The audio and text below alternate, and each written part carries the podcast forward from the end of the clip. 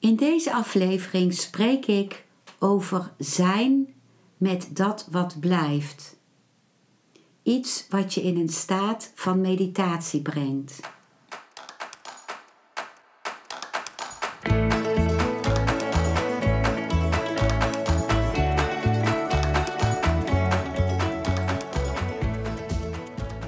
Welkom bij een nieuwe aflevering van Modita's podcast Van Pijn naar Zijn. De podcast waarin ik je meeneem voorbij de pijn in je leven naar wie je diep van binnen bent. Hoe kun je beter omgaan met je gevoelens? Hoe vind je rust in je hoofd? Wat zit er precies achter je pijn? En vooral, hoe kun je steeds meer jezelf zijn? Adem eens diep in en uit. Ik wens je veel luisterplezier.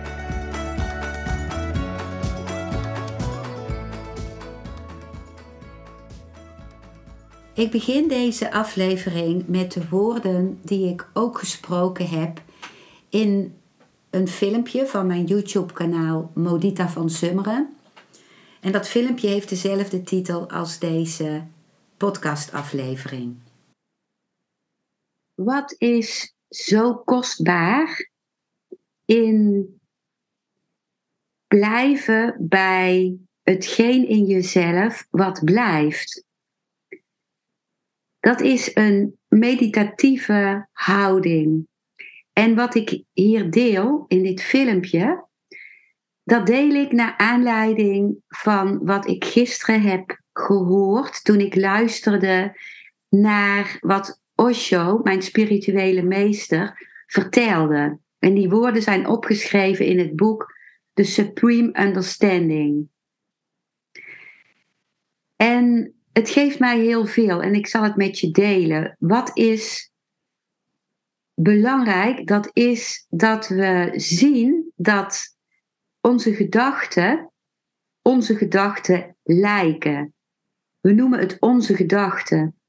Maar in feite zijn het niet onze gedachten. Onze gedachten, wat we onze gedachten noemen, dat is altijd iets wat gekomen is van buitenaf. En waar we ons misschien mee geïdentificeerd hebben en waardoor we zijn gaan denken: oh, dit is mijn gedachte. Maar het zijn altijd dingen die van buitenaf zijn gekomen, die je gehoord hebt of die je gelezen hebt, uh, of die je als kind gehoord hebt.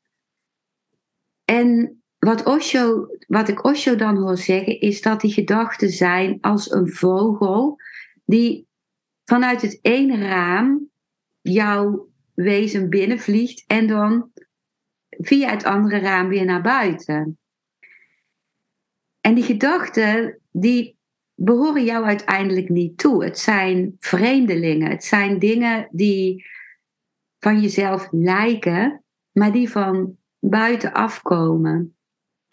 En het zijn alleen maar gasten. De, de, wat belangrijk is, is om je te realiseren dat jij de gastheer of de gastvrouw bent. Ik zeg nu in dit filmpje eventjes voor het gemak gastheer.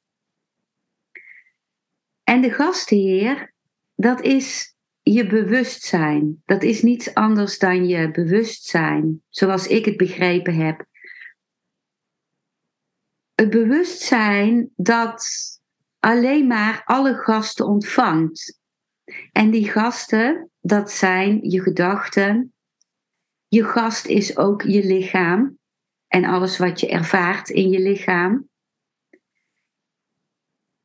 Je gast is ook je emoties. Dat zijn allemaal dingen die niet blijvend zijn. Die, die komen en gaan. Je lichaam is gekomen bij je geboorte, voor je geboorte al, naar je incarnatie in de baarmoeder. En je lichaam zal ook weer gaan. Je gedachten komen, net als die vogel, en gaan ook weer. Soms proberen we ons aan een gedachte vast te houden, maar als we dat loslaten, dan gaat die gedachte ook weer. emoties, ook die komen en gaan. En wat dan belangrijk is, is als je uh, je bewust wordt van, oh, dit is een gedachte, dan creëer je eigenlijk al afstand tot de gedachte. Dan kun je ze gaan zien als een tijdelijke gast. En de focus waar uh, Osho toe uitnodigt, en Osho schrijf je O-S-H-O, waar Osho toe uitnodigt, is om uh, je bewust te zijn van dat jij de gastheer bent. En je kunt de gastheer ook vergelijken met de blauwe lucht. Met de blauwe lucht, die er altijd is. Ook als er wolken zijn, die die blauwe lucht even aan het gezicht onttrekken. Maar ook die wolken zijn tijdelijke gasten. En als die wolk weer voorbij is, is er weer de blauwe lucht datgene wat blijft, wat altijd blijft, is die blauwe lucht. En die blauwe lucht in ons is ons bewustzijn, is ons zijn en ons bewustzijn. Als je contact maakt met die gastheer in jezelf, dan kun je al die gasten die voorbij komen verwelkomen op dezelfde manier. Die gastheer, die, uh, die gaat niet zeggen van, oh, jij moet weg en jij mag binnenkomen.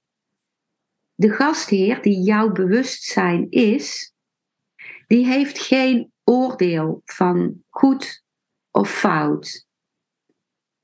Dat doen wij wel met onze mind. Zij hebben we geleerd oordelen te maken. Maar die gastheer ontvangt iedereen als gelijke. Of er nu haat binnenwandelt, of liefde, of compassie, of jaloezie.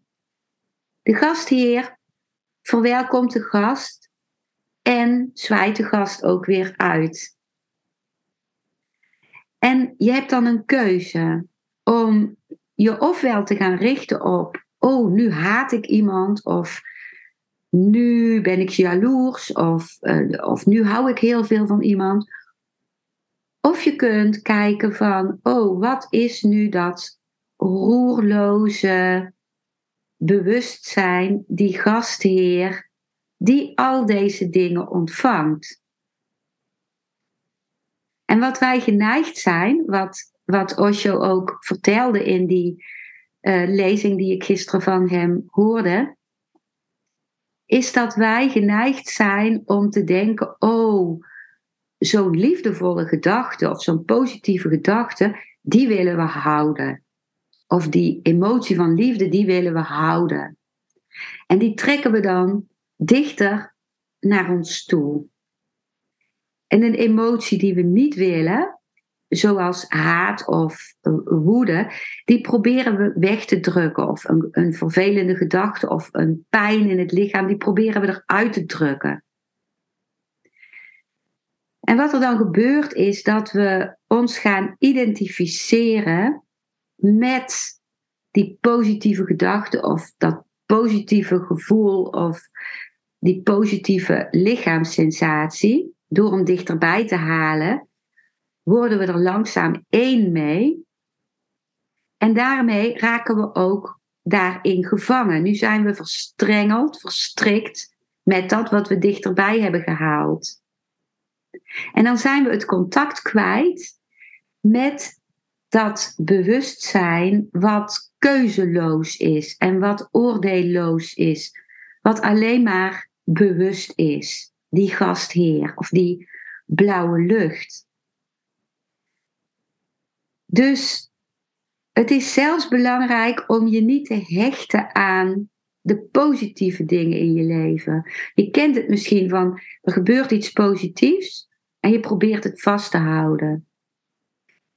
En met dat je het vast probeert te houden, ben je onvrij en ben je niet meer verbonden met dat, uh, met die blauwe lucht, met dat met het bewustzijn zelf, met het bewustzijn zelf is eeuwig, is, is niet meer verbonden met de tijd.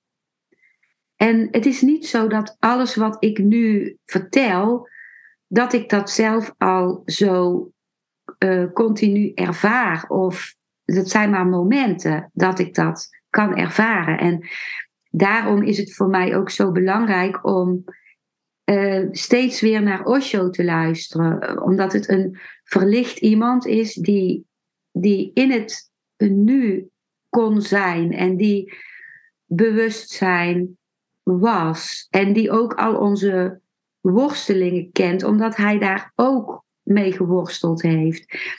En voor mij is het heel belangrijk om in contact met hem te zijn. En de woorden die ik nu zeg, zijn niet precies Osho's woorden.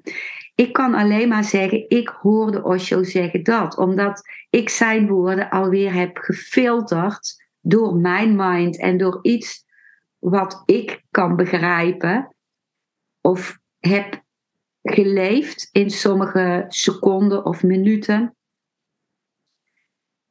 Maar ik ben niet verlicht, dus ik kan alleen maar zeggen wat mijn interpretatie nu was.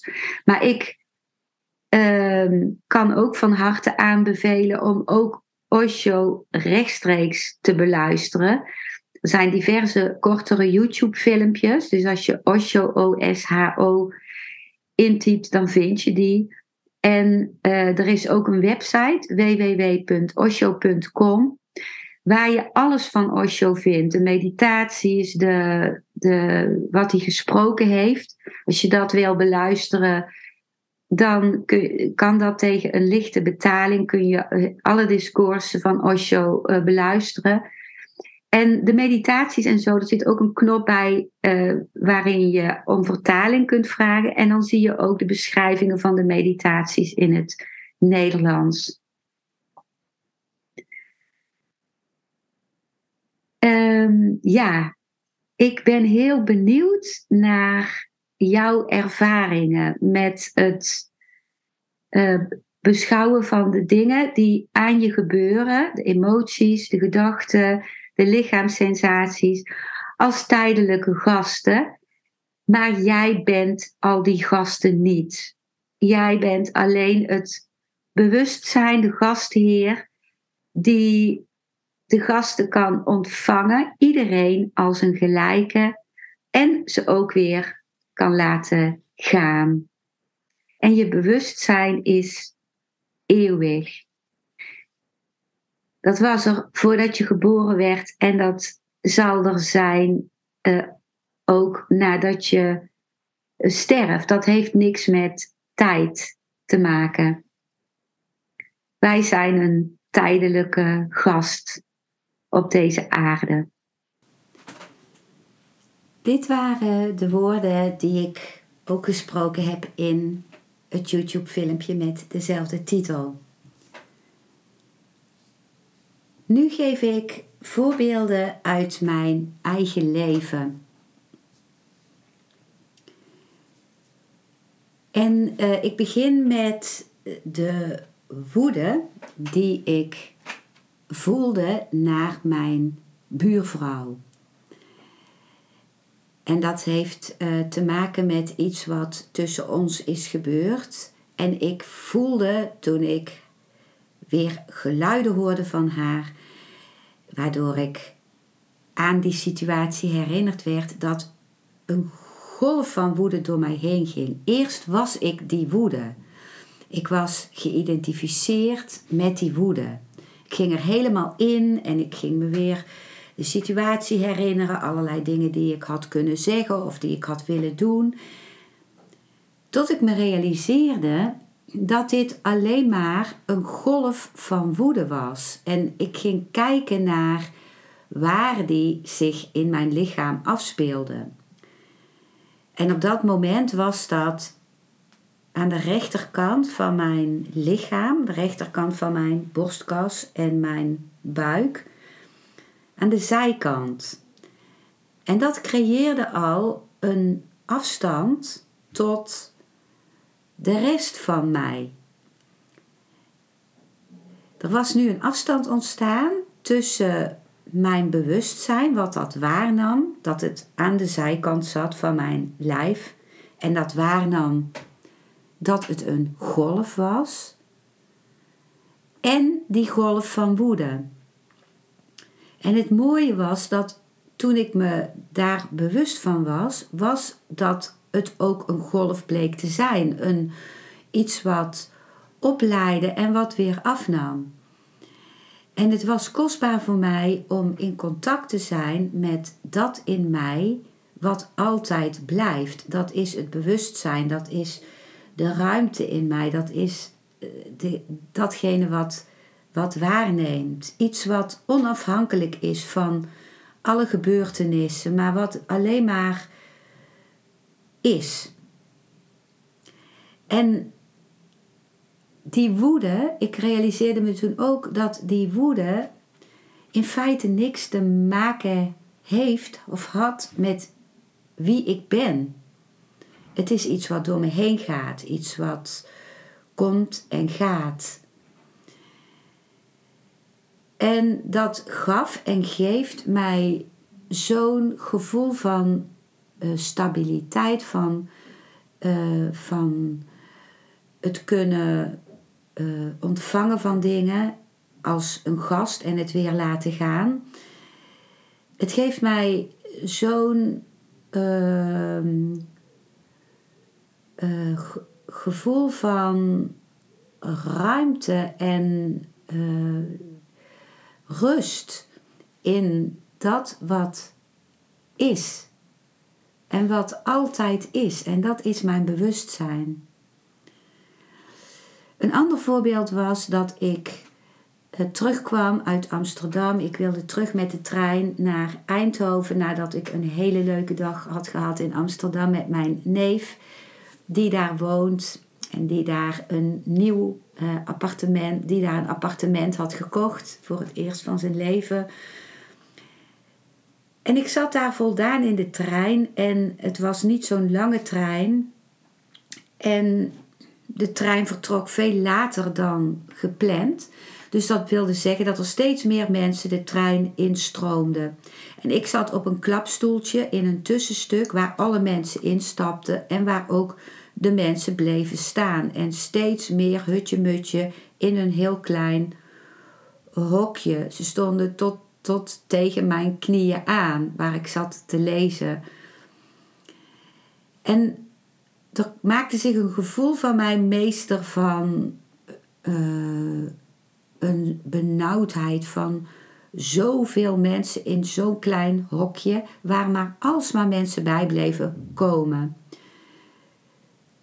Tot ik me weer realiseerde dat ik kon gaan naar dat in mij wat altijd blijft, wat altijd uh, ook een ruimte is. De ruimte van het bewustzijn, de ruimte van iets wat nooit verandert. Van degene die gadeslaat zelf.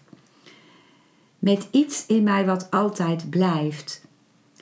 En tegelijk met dat ik daar contact mee maakte, realiseerde ik me dat de mensen in dat kleine hokje waren komen te staan en dat ze er ook weer uit zouden gaan. Dat het maar tijdelijk was. Dat het niet iets was wat altijd zou blijven. En wat ik gewoon waar kan nemen. Oh, nu staan er heel veel mensen om me heen. En straks zal dat niet meer zo zijn. En ik kan dat gewoon zien. En ik kan contact maken met dat in mij wat blijft. De ruimte, de rust. Iets in mij wat blijft is onaangedaan door al die gebeurtenissen. Want die gebeurtenissen die blijven niet. Dat is veranderlijk. Maar dat wat in mij blijft, dat onveranderlijke, is iets wat daar niks mee te maken heeft met die gebeurtenissen. Die waarneemt de onrust die mij, in mij ontstaan was, die waarneemt dat even later er weer een rust ontstond door de realisatie dat de mensen ook weer zouden gaan. En dat veranderde de hele situatie voor mij in die trein. Er kwam een, een acceptatie van wat is. In de traumaopleiding die ik doe, de Somatic Experiencing opleiding, leer ik om het vervloeien van gebeurtenissen in de tijd te zien. Bij een traumatische gebeurtenis wordt dat, die gebeurtenis vaak bevroren in de tijd. Dat is bij trauma zo. Het, het zet zich vast. En het lijkt in het moment van het nu alsof je nog steeds in dat trauma zit. Je lichaam reageert nog hetzelfde als toen het in dat trauma zat. Dat is zo als het trauma niet verwerkt is. En dan helpt het om dingen in, de, in het verloop van de tijd te gaan zien. Om je te gaan beseffen dat er een tijd was voor het trauma en dat er ook een tijd is na het trauma, toen die heftige prikkel voorbij was. En het helpt ook om in je dagelijks leven te gaan zien dat dingen veranderen. Ook als je bijvoorbeeld hele erge hoofdpijn hebt, om er dan op te gaan letten van wanneer is die hoofdpijn minder en wanneer is die hoofdpijn meer en waar in je lichaam is de hoofdpijn het sterkst aanwezig en waar, is, waar in je hoofd is die pijn minder. En wat gebeurt er in de tijd? Wanneer op de dag is het het sterkste en wanneer neemt het weer wat af?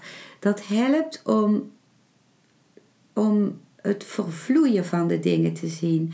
En als je dat gaat zien, dan ga je zien, dan ga je dat als een soort stroom zien waar je naar kijkt. En dan kom je in contact met datgene in jezelf wat blijft, wat alleen maar waarneemt, wat zich bewust is. En dat geeft het gevoel van dat je de dingen die gebeuren, ook sterkere prikkels in je leven die gebeuren, dat je die kunt containen. Containen is eigenlijk een Engels woord, dat je die kunt bevatten. Dat je een container kunt zijn waar die sterke prikkels door kunnen stromen, waarin je die golf van emoties of van pijn of van verdriet kunt opvangen. En als je ze kunt opvangen, dan merk je ook dat, dat zo'n golf heel sterk kan zijn en dat die dan ook weer af kan nemen. En daarvoor is het belangrijk om het niet weg te duwen, want als je het wegduwt, dan weet het lichaam nog steeds van, of je ook je, je geest, het kan elk moment weer terugkomen, want ik heb het weggeduwd. Maar als je het ervaart, juist door het te ontvangen, en bij trauma kan dat alleen als je het doet in hele kleine stapjes, dat je bijvoorbeeld maar een stukje van die traumatische ervaring neemt om het te ervaren, dan kan het door je lichaam gevoeld worden, kan het ook door je hersenen geregistreerd worden. En dan verdwijnt het bedreigende ervan. En dan kun je het gaan zien als alleen maar een golf van een emotie die komt of een golf van pijn die komt. Als je weer herinnerd wordt bijvoorbeeld aan het trauma of als je weer in de traumareactie komt.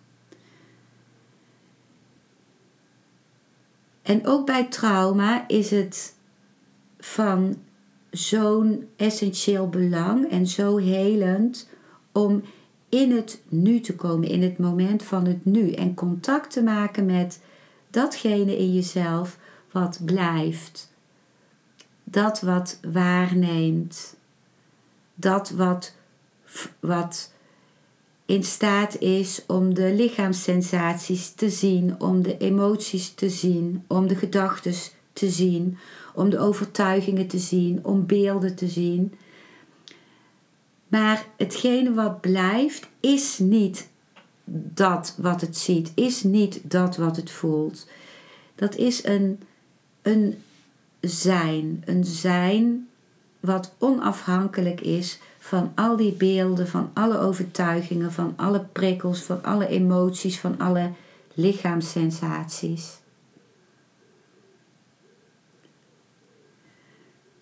Dat is wat ik in deze aflevering wilde delen over meditatie, zijn met dat wat blijft. Ik heb meer afleveringen gemaakt uh, over traumaheling, die je kunt vinden in deze podcast. Ik heb ook uh, op mijn YouTube-kanaal, dat heet zoals ik heet, Modita van Zummeren, heb ik diverse playlists. En een van de playlists is meditatie. Daarin vind je heel veel filmpjes over meditatie. En vind je ook filmpjes over traumaheling. Maar ook in deze podcast vind je veel meer afleveringen die gaan over meditatie en over traumaheling.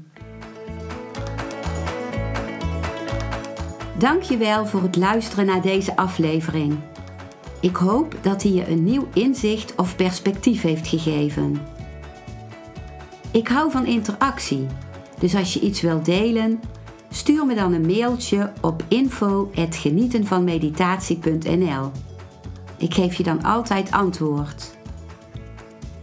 Ik wens jou dat je vreugde in het dagelijks leven zult ervaren en innerlijke rust. En dat je steeds meer je pijn zult kunnen omvormen in zijn. Je kunt de afleveringen van deze podcast volgen via Spotify, Google Podcast, Apple Podcast en Podbean door op de volg- of abonneerknop te klikken. Als je luistert via de Apple Podcast, dat kan alleen als je een iPhone hebt, heb je een extra voordeel.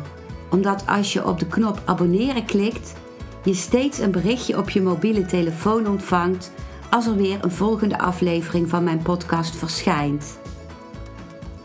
Je bent van harte welkom bij die volgende aflevering.